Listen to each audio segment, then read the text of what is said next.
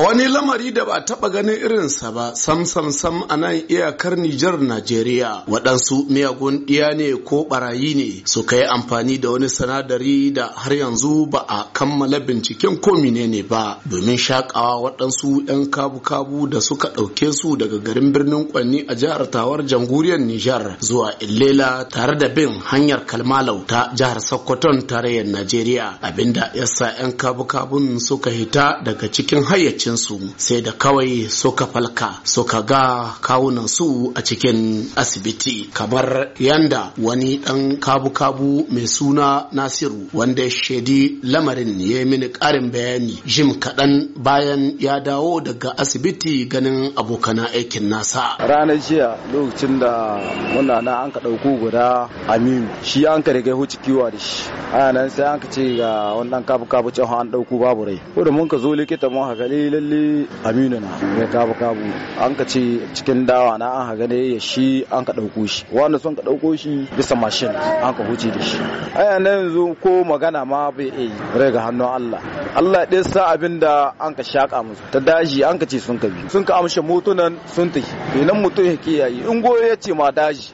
Ka ji baka abu. Ba wai dole na bai sai ka ta da abin da zai baka. Miya abin da zai baka? Ka bi kwalta. In ya ce bai bi kwalta ka aje shi ka ta zuwa ƙarfe shidda na lokacin da aka kawo wannan na harkon. Shi ko wanga zuwa ƙarfe bakwai na ya ne zuwa bakwai shi ko aka kawo shi. Ana ƙoƙarin yin mangara ba. Shi ko wanga zuwa shidda da minti ishirin. tuni dai muryoyin magabata doko daga hukumomi na barikir na gargajiya da ƙungiyoyi daban-daban suka soma tashi don kira ga masu sana'ar kabu-kabun da ke kan iyakar ta Nijar Najeriya kamar yanda Malam Abdani shugaban ƙungiyar kare haƙƙin ɗan adam ta ANDD reshen birnin Kwanni ya jaddada a lokacin da muka tantamna da shi. Ina kwana da bakin ciki bisa abin da ya waƙa na jiya. Vraiment abin akwai matsala akwai bakin ciki ƙwarai bisa ga abin da ya Ka san mutum bai iya kare mai kai ne masifa idan Allah ya kome ita. Amma shi kuma mutum ya kamata shi kiyaye komi zai samu bisa ga abin nan ya kiyaye. Yaran nan ina kiyaye musu kusa kunnun bisa ga abin da suke yi. Kuma kunnun muna ji hankalin su irin waɗanga abubuwan suka faru. Kuma ba za mu hashi ba kunnun muna tuna tashe su muna kira ga 'yan kabo kabo yana da kyau koyo shi idan za su hita daji ya kasance an ɗauke ka cikin grup ɗinku. Dan ka kai ɗaya dan in ka ga mutum ya ta ya laɓe hawa nuri ya ka ya ce ka ka kai shi wani abin ka ga su mutanen ku cikin grup ɗinku ko cikin